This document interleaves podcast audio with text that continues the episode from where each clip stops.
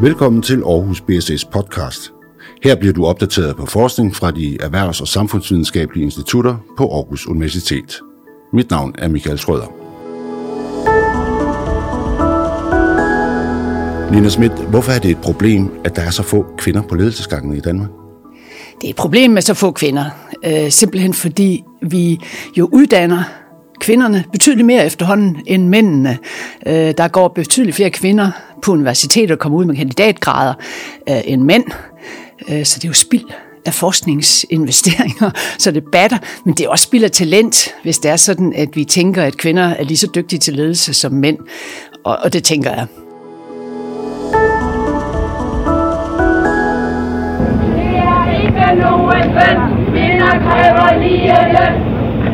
Det er Alle steder. Alle arbejdsgiver, der ikke betaler lige løn, kan vente vores besøg, før eller senere. Netop. Øh, jeg så på turen... Sådan lød det i 1970 i en aktion i København, hvor kvinder kæmpede for ligeløn. Her godt 50 år efter er der stadig ikke ligeløn for lige arbejde mellem kønnene. Heller ikke i Danmark. Selvom vi ifølge FN er det næst mest lige samfund i hele verden, når det gælder ligestilling mellem kønnene. Når det kommer til at få kvinderne ind på chefkontorerne i de danske virksomheder, er der heller ikke sket voldsomt meget. Her halter Danmark faktisk langt efter lande, som vi betragter som vores nærmeste samhandelspartner. Vidste du for eksempel, at hvis du går ind på et CEO-kontor i et af de danske børsnoterede selskaber, så er der større sandsynlighed for, at der sidder en, der hedder Lars, end at der sidder en kvinde. I denne podcast stiller vi spørgsmålet, hov, hvor er alle de kvindelige topchefer? Og til at lede efterforskningen har jeg inviteret professor i økonomi, Nina Schmidt fra Aarhus BSS på Aarhus Universitet i studiet. Hun har gennem en årrække ikke bare stillet sig selv det spørgsmål, hun har også bidraget med mange mulige svar og forklaringer gennem sin forskning. Velkommen til dig. Tak skal du have. Så nu stiller jeg spørgsmålet videre til dig, Nina Schmidt. Hvor er alle de kvindelige topchefer i Danmark henne? Jamen, kvinderne er der ikke på toppen i hvert fald. De er på vej op, de kommer op et vist stykke øh, på ledelsesgangen, men så er det ligesom om, det stopper, og sådan har det faktisk set ud i mange år. Og jeg hører ikke til dem, der tror, at det her, det vil tiden hjælpe på. Hvis vi tager lidt fakta på det her, øh, så er det egentlig meget sjovt, at vi hele tiden diskuterer det med, med kvinder i bestyrelser i børsnoterede virksomheder, og, og det med kvoter til bestyrelser, fordi det plejer at være til de største øh, virksomheders bestyrelser, altså C25 eller tilsvarende. Fordi der er der faktisk temmelig mange kvinder efterhånden. Der er Danmark op på cirka 35 procent øh, af dem, der sidder i bestyrelserne, øh, der er kvinder. Det er sådan set bare det samme som resten af Europa, fordi hele Europa flytter sig jo på det her punkt. Men lige snart, vi kigger uden for de store øh, børsnoterede virksomheder, så ser det helt anderledes ud. Det har vi, jeg selv været med til at lave en del forskningsprojekter om. Og hvis vi kigger på alle danske virksomheder, som bare har øh, mindst 50 øh, ansatte, dem er der cirka 5.000 af, så er der cirka 15 procent kvinder i bestyrelsen. Det har der været siden starten af 90'erne, øh, og det har ikke flyttet sig stort set. Og der er faktisk der er omkring 60-70 procent af alle virksomheder, der slet ikke har én kvinde i bestyrelsen. Så på de små og mellemstore virksomheder, der ser det helt anderledes ud. Og det er faktisk ikke det, vi snakker om kvoter. Så, så det er jo sådan lidt sjovt. Men det er dem, der er flest af, Ja, af virksomheder. suverænt. Ja, ja. Der er 25 C25 virksomheder, og der er cirka 5.000 af de andre. Så er der på direktionsgangen, der er der betydeligt færre kvinder. Hvis nu vi kigger på de samme C25 virksomheder, altså de 25 største børsnoterede virksomheder, så tjekkede jeg det lige. Jeg tror ikke, der er en eneste kvindelig CEO blandt dem for øjeblikket. Øh, og generelt, så er der meget færre kvinder, der når det øverste trin på ledelsesgangen. Og det er i høj grad her, vi har problemet, fordi det at komme frem i direktionen, det viser igen vores forskning, og det ved man også godt, men vi har sådan set også påvist det.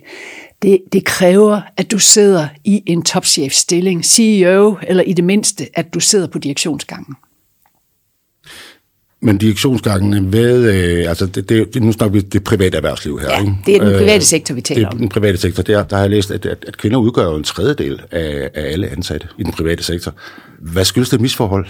Jamen, der er jo mange forklaringer. Jeg vil sige, der kommer flere kvinder frem øh, på ledelsesniveau øh, Øh, i den private sektor. Men det sidste spring op til at blive topchef, det, der går det rigtig langsomt. Øh, der, er, altså der er jo kvindelige CEOs, især i små og mellemstore virksomheder. Der, der, jeg tror, det er 14 procent nu, der er kvinder øh, der. Øh, så, så selvfølgelig er det øh, nogen at tage af, men, men det går rigtig langsomt op til de største virksomheder. Og det er der mange forklaringer på. Og det minder vi lige tilbage til, fordi lige først så skal vi lige prøve at sætte ind i en international kontekst. Hvor ligger Danmark hen? Tja, altså en gang, hvis vi går tilbage til 70'erne, så var Danmark ligestillingsmæssigt i front, også på det her område. Men det, der er sket stort set, det er, at vi har stået utrolig meget stille i Danmark. Og i mellemtiden, så har mange europæiske lande, mange vestlige lande simpelthen overhalet Danmark. Øh, der er mange lande i dag, som, øh, som har flere kvinder i, i øh, topledelsen, øh, end vi har, øh, fordi det har flyttet sig. Man har også øh, lavet politikker, kvoter, kvoter til barselsårlov og den slags ting, som vi nok kommer til at snakke også om om lidt, mere end vi har i Danmark. Vi har et billede af i Danmark, at vi er meget, meget ligestillede. Og vi tror sådan set også på, at kvinder er lige så dygtige som mænd. Men i de undersøgelser, der er lavet med hensyn til, om vi så tror på, at kvinder vil være ledere og den slags ting, så ligger vi faktisk i bund i Europa. Ja, vi ligger jo ikke bare i bund i Europa, vi ligger vel også, altså, vi ligger jo ret dårligt, sådan helt globaliseret set, eller globalt set. Ja, altså nu, nu skal man tage det for, hvad det er, nogle af de der undersøgelser af, hvordan kvinder og ligestillingen udvikler sig. World Economic Forum laver sådan nogle lister, og der drætter Danmark længere og længere nedad. Og det, der trækker os nedad, det er øh, kvinder i magtfulde positioner. Men ser man på kvindeandelen i uddannelse og alle mulige andre ting omkring kvinders rettigheder, så står vi jo rigtig godt. Det er det med at komme frem på øh, ledelsesniveauet, som ikke går ret hurtigt i Danmark. Nu siger du, at øh, vi føler os meget lige i Danmark, eller vi, vi, vi synes, at, at ligestillingsniveauet er, er højt i Danmark, og det siger FN jo også, altså på, på liste over øh, de, de lige samfund, så, så indtager vi jo en anden plads. Så hvad er grunden til, at øh, et af de mest lige samfund øh, ikke kan følge med vores nærmeste øh, samhandelspartner på det her område?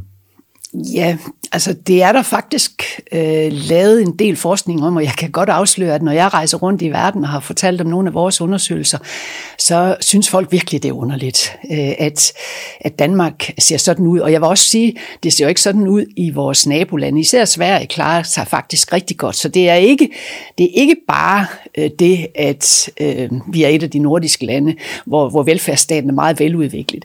Men, men øh, hvis vi går ned og kigger på nogle af de grunde, som jeg selv har været med til at, at forske i, øh, så vil jeg sige, at altså, hvis vi kigger på bestyrelsesniveauet, jamen så er kvinder simpelthen ikke i nærheden af at komme ind i bestyrelser i, i samme omfang som mænd, fordi noget af det, der er rigtig vigtigt for kvinder, det er at være i professionelle netværk, og de netværk, de består af folk fra direktionsgangen. Og der er kvinderne ikke i ret stort tal, så derfor er det simpelthen ikke så underligt, at de heller ikke kommer ind i bestyrelser, fordi den mest afgørende faktor for at komme ind i bestyrelser, det er at være topchef, CEO, eller i hvert fald at sidde på direktionsgangen. Og der er så få kvinder der derfor synes jeg jo også, at det mest interessante, det er sådan set, om kvinderne øh, kommer frem i ledelseslagene. Det er det, der virkelig ville flytte noget. Øh, det er også der, hvor kvinderne så selv sidder og ligesom har ansvaret HR-mæssigt, men også forfremmelsesmæssigt nedad i virksomhederne. Så, så jeg er sådan lidt træt af, at vi har så meget fokus på de her bestyrelser. Så vejen ind i bestyrelserne, det er gennem direktionsgangene? Ja. Og sidder mændene bare og udpeger hinanden? Er det derfor? Jamen altså, det, det, jeg tror ikke, at det er sådan, man kan sige det bevidst, og jeg vil gerne sige, at i alle de undersøgelser, jeg har været med til at lave, der er der sådan set ingen forskel på den måde, mænd og kvinder tænker på. Kvinder er mindst lige så kønsstereotyper og alle de her ting, som mænd er. Det er noget, som vi bærer i fællesskab, vil jeg sige, danske mænd og kvinder. Øh, det viser vores forskning. Og, og, og det, som er meget udpræget i Danmark, det er, at vi har, øh, vi tror det ikke, men vi har virkelig meget af det, som i, i forskningen kaldes for gender stereotyping. I Danmark har vi fået det gode danske navn unconscious bias øh, for, for øh, den slags. Altså at man ubevidst har en bias. Øh, det bedste udtryk for det, som også bliver brugt forskningsmæssigt, det, det er think manager, think male. Altså hvis man tænker på en succesfuld øh, leder, topleder, så tænker man automatisk på maskuline ting. Og det har jeg selv brugt en del tid på at undersøge øh, på danske ledere på data.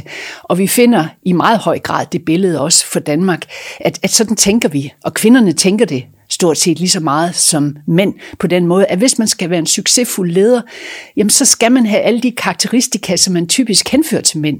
Og ikke nok med det. Altså man tænker også automatisk, at mænd lige præcis har de karakteristika. Øh, og så bliver det jo rigtig svært.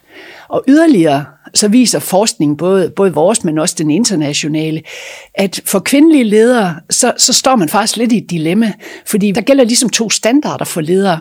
Hvis kvinder øh, gerne vil til tops, så kunne man så sige, så gælder det altså bare om at opføre sig lidt ligesom en mand, og have alle de gode maskuline træk, være beslutsom og risikovillig og alle de her ting. Men hvis man er på den måde, så sker der faktisk ofte det på vej frem til toppen, at man bliver regnet for ikke at være sådan en særlig rar person, hvis man er kvinde. Hvis man er mand, så er det godt, men hvis man er kvinde, så kan man få sådan, sådan man er usamarbejdsvillig og alle sådan nogle ting. Og det gør det jo svært, det her, fordi der ligesom er dobbelte standarder. Så kvinder, hvis man lige skulle give et karriereråd her, skal helst både have de ting, der gør en til en dygtig leder i den traditionelle sådan, men man skal også gerne være lidt feminin og den slags øh, ting, for ligesom at komme til tops. Det er jo ikke nogen helt let balancegang. Så det er en af tingene, som er vigtig. Så vil jeg sige en anden ting, og jeg bliver så træt næsten, når jeg siger det, men, men det er jo, så kommer vi tilbage til velfærdsstaten, at, at vi har i Danmark valgt meget tidligt at have en meget lang barselsårlov. Vi kalder det forældreårlov, en stor del af det, og det er mor, der tager det. Altså det er stadigvæk sådan i Danmark, at mor hun tager 90 procent af tiden, når der bliver født børn i familien. Det, øh, sådan har det også været i andre lande. Det, der er forskellen for Danmark, er i dag, at vi har så langt, altså et helt år, øh, med relativt god kompensationsgrad, så vi tager det alle sammen. Det er den ene ting, at den er lang perioden. Den anden ting er, at vi ikke har reserveret ret meget tid til far Ja, nu kom det så her i august med de 11 uger, som kom fra EU. Og det er ikke så sært, fordi i mange andre EU-lande, der har man faktisk for længst fået indført mere tid, der er reserveret til fædre. Øh, og det, og det siger jo lidt om vores diskussion her i Danmark, fordi det har der været enormt meget ballade om, og vi har faktisk ikke selv kunne finde ud af at gøre det i det danske parlament. Det kommer til os fra udlandet. Men det er en meget vigtig forklaring øh, også på, at kvinder ikke når til tops. Fordi så længe det er kvinderne, der bliver ved med at tage sig af hjemmefronten, øh, og børnene, og i øvrigt også efter, at barselslovloven er slut, så er det mor, der ligesom kan tage den, når de er syge eller græder osv., så, så er det jo med til i virkeligheden også at skabe de kønsstereotyper, for de er jo rigtige, faktisk, kønsstereotyperne. Det er mor, der henter børn tidligt og alle de her ting. Så jeg vil sige, barselsårloven, som vi har haft den i Danmark, fordi den har været så, så, så skævt fordelt, øh, det er også en medvirkende faktor. Så det, der skal er simpelthen, at øh, mens møderne er på barsel, eller forældreoverlov, så overhaler mændene dem på karrierestigen? Ja, og, og det sker sådan set allerede inden, fordi hvis nu man tænker, man sidder i den situation, man har en, og jeg har prøvet det faktisk mange gange, hørt det fra mine kante konpiger, eller studiekonpiger, som har fortalt det bagefter, når de kom ud på, på arbejdsmarkedet. Super dygtige piger, som har stået sammen med en af de mandlige studerende, som jeg måske ovenikøbet også har kendt, og hun har været meget dygtigere end ham. Men sagen er jo bare, at hvis man skal tage en kvinde og en mand der i slutningen af 20'erne, så kan man med rigtig god sandsynlighed regne ud, at hun får nok en to-tre børn, for det gør vi højtuddannede kvinder. Og hun vil nok tage øh, det meste af et års barselsårlov til hver, mens den mandlige studerende, uanset om han måske ikke er så dygtig, ikke er væk så længe. Og det vil sige, at kvinderne møder jo nogle udfordringer der, når de kommer ud med deres høje uddannelser og sakker faktisk bagud på forhånd. Det kalder vi for statistisk diskrimination i, i øh, den økonomiske sprogbrug, og det er jo fuldstændig rationelt at gøre sådan. Øh, men det er jo brænde ærgerligt, fordi vi mister jo det der kvindelige talent, og man kan sige, så kommer man jo tilbage, man får ikke børn hele livet, og kvinderne kommer jo tilbage senere. Det er der mange kvinder selv, der siger, så vil de så gøre karriere. Problemet er bare, at den måde, man tænker det på, på arbejdsmarkedet og i erhvervslivet, det er, at hvis ikke man ligesom har gjort karriere de første 10 år, efter man kom ud fra uddannelsesinstitutionen, så er man nok ikke så dygtig. Og det er jo fuldstændig skævt, men, men det har man en tilbøjelighed til at tænke. Det er der igen masser af, af forskning om. Og det rammer jo kvinderne men det er jo skævt. Jeg tror bare ikke, det bliver anderledes, så længe det kun er kvinder, der tager den lange barsel. Hvis vi kunne deles om det, så ville det nok være anderledes. Ja, for det ene ting er jo så, at vi er, er nået et skridt ved at, eller med EU's hjælp, har fået øh, 11 ugers øh, øremærket barsel til fædrene, men der er jo ikke noget krav om, at de tager det. Nej, men det, altså det synes jeg så ikke, altså, fordi det har jo hele tiden været præmissen, at det er jo et frit valg. Så derfor har jeg det også rigtig svært med det der med at kalde det tvang. Man kan jo bare lade være at tage det, hvis ikke man vil have det. Altså det er jo grundlæggende en overførselsindkomst, man får tilbudt. Og hvis ikke man vil have den, øh, så, så står det jo frit. Øh, det gør det jo sådan set også for en del af kvindernes barselsårlov. Vi har bare vendet os til, at, at det tager man selvfølgelig. Men risikerer vi ikke bare, at det bliver reelt set en nedsættelse af barselsperioden? Hvis mændene ikke tager deres det, det er ikke den, altså det er ikke det, man har kunne se i andre lande. Sverige er the forerunners i den her. De har allerede for, ja, det var i midten af 90'erne, begyndt at have reserveret øh, tid til far på barsel. Island har det også, og nu begynder en masse europæiske lande at have det. Og det, der sker, det er faktisk, at fædrene tager barselsårloven, og at de begynder at gøre tingene mere lige. Så det er ikke sådan, det, det typisk er. Så det er et skridt i den rigtige retning? Ja, hvis man gerne vil have ligestilling og have, have øh, flere kvinder til at bruge deres talent, så er det. Men jeg er selvfølgelig helt klar over, at det ikke er politisk. Øh, altså i de man kan sige, for, for de familier, hvor der ikke er noget karriereperspektiv, og hvor man heller vil øh, gøre det på den anden måde, så kan jeg selvfølgelig godt se det. Nu er problemet jo bare, at det er nogle politikere, der har lavet ordningerne, og de har altså den negative konsekvens for en del af kvinderne.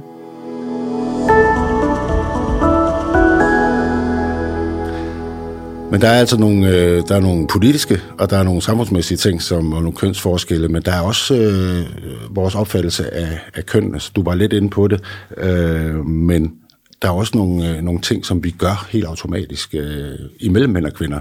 Hvad er det, øh, hvad er det mændene gør, som kvinderne de øh, til Sydland ikke øh, enten gør eller har mulighed for?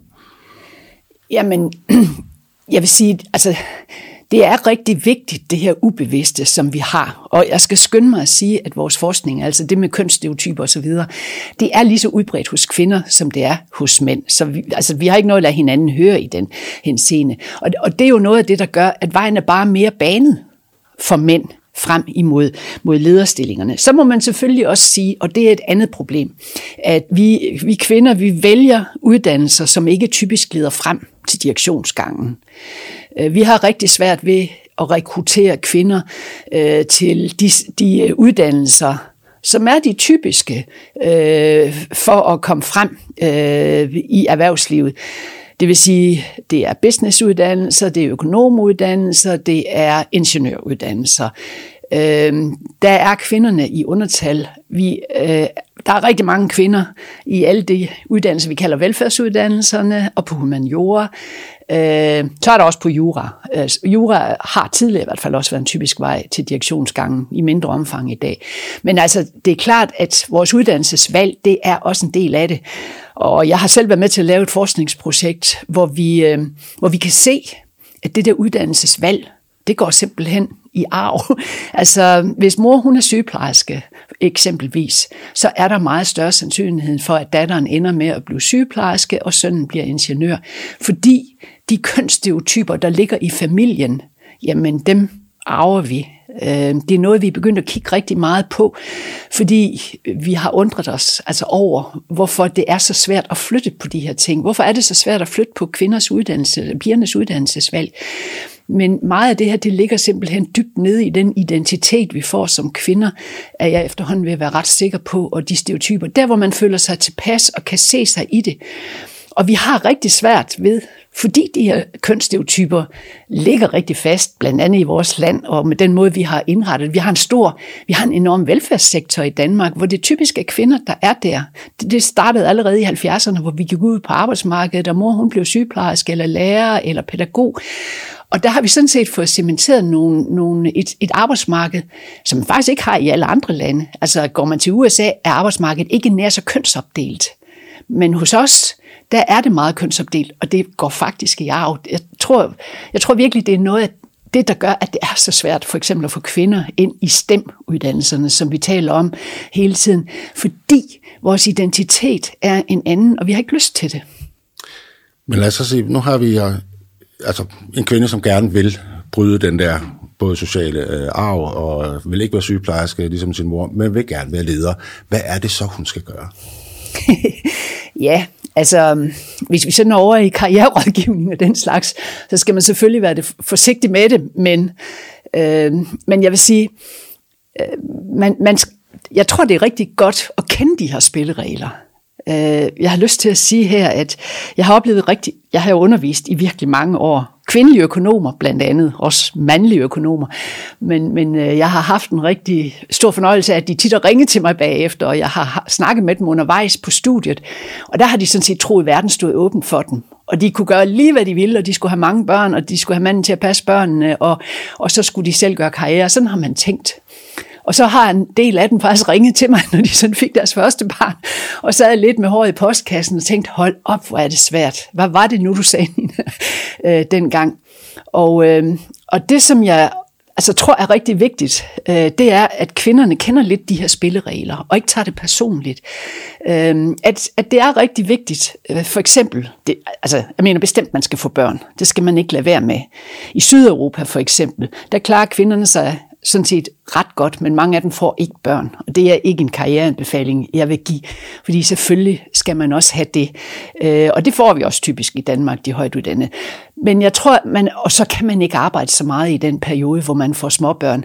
Men jeg vil sige, det er jo rigtig vigtigt at få manden til at tage den barsel og få til at deltage i det her, øh, så meget man overhovedet kan. Og der er det en hjælp at vi nu har fået de 11 uger øh, til, til farbarsel. Øh, og så må man prøve at, at holde sig i gang der i de år, hvor man har småbørn. Jeg, min egen karriere er jo på samme måde øh, præget af, at jeg har fire børn, og, og jeg fik tre meget hurtigt, og der havde jeg bestemt mindre tryk på arbejdsindsatsen. Øh, men jeg blev ved med at holde fast i karrieren på nedsat blus øh, af min erkendelse i dag. Og, og det er det, man skal prøve.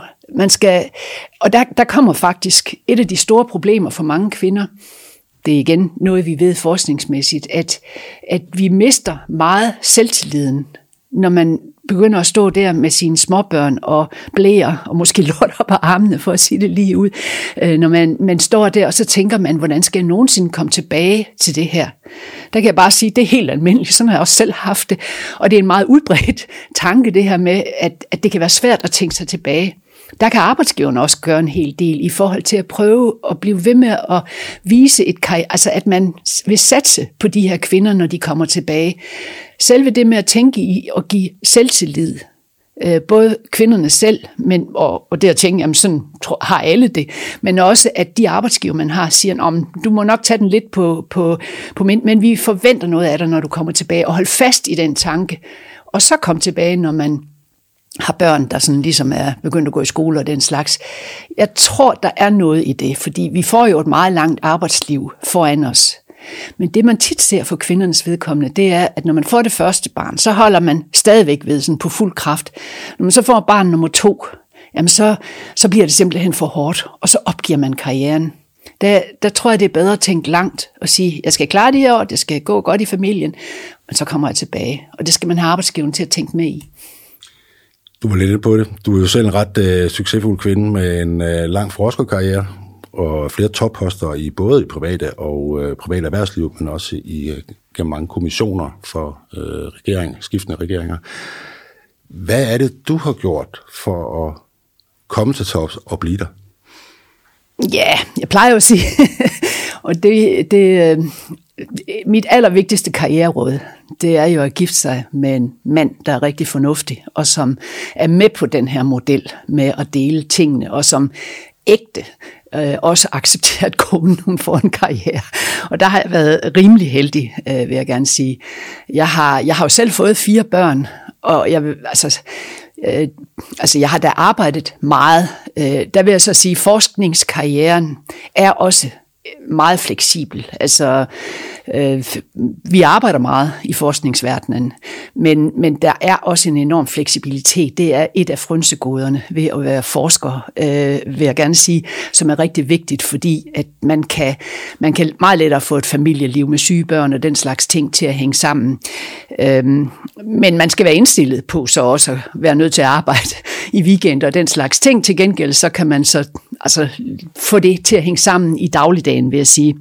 Så tror jeg også, altså jeg, jeg kan afsløre, at mine børn aldrig har vundet en eneste kon- konkurrence til fast lavn om den fineste udklædning. Øhm, og vi har Øh, jeg har altid taget de lette løsninger. Alle de steder, jeg kunne komme til. Børnene har altid selv skulle lære at bage klassens kage, inden de kunne være skolemodne og den slags ting. Øh, og der tror jeg, at vi kvinder er, altså, vi pålægger os selv frygtelig mange øh, øh, byrder i dag. Mange flere. Jeg fik mit, min ældste søn, han er 42 i dag, og der var det meget almindeligt, sådan som jeg gjorde. Øh, det er ligesom om, at kvinderne har pålagt sig selv flere og flere ting om at være meget perfekte møder, som jeg bestemt ikke tror nødvendigvis gavner børnene. Hvis de gjorde det, så vil jeg ikke sige det. Men, men altså, børn er jo ligeglade med faste lavn, altså om de vinder og så videre. Det er jo tit mødernes projekter. Jeg tror, at vi virkelig der skal tage os selv i nakken og tænke over hele tiden, hvad der er vigtigt. Nu har jeg jo børnebørn øh, og, og ser det igen temmelig meget. Øh, fordi det, altså man, bliver, man går ned med stress hvis man skal leve op til billedet af den perfekte mor, og også gøre karriere. Og, og det er jo for ærgerligt, øh, fordi så kommer man i hvert fald ikke derhen. Tusind tak, Nina Schmidt. Tak skal du have. Har du lyst til at høre flere podcast eller læse artikler om erhvervs- og samfundsvidenskabelig forskning fra Aarhus BSS på Aarhus Universitet, så klik ind på bss.au.dk-nyheder. Tak fordi du lyttede med, og på genhør.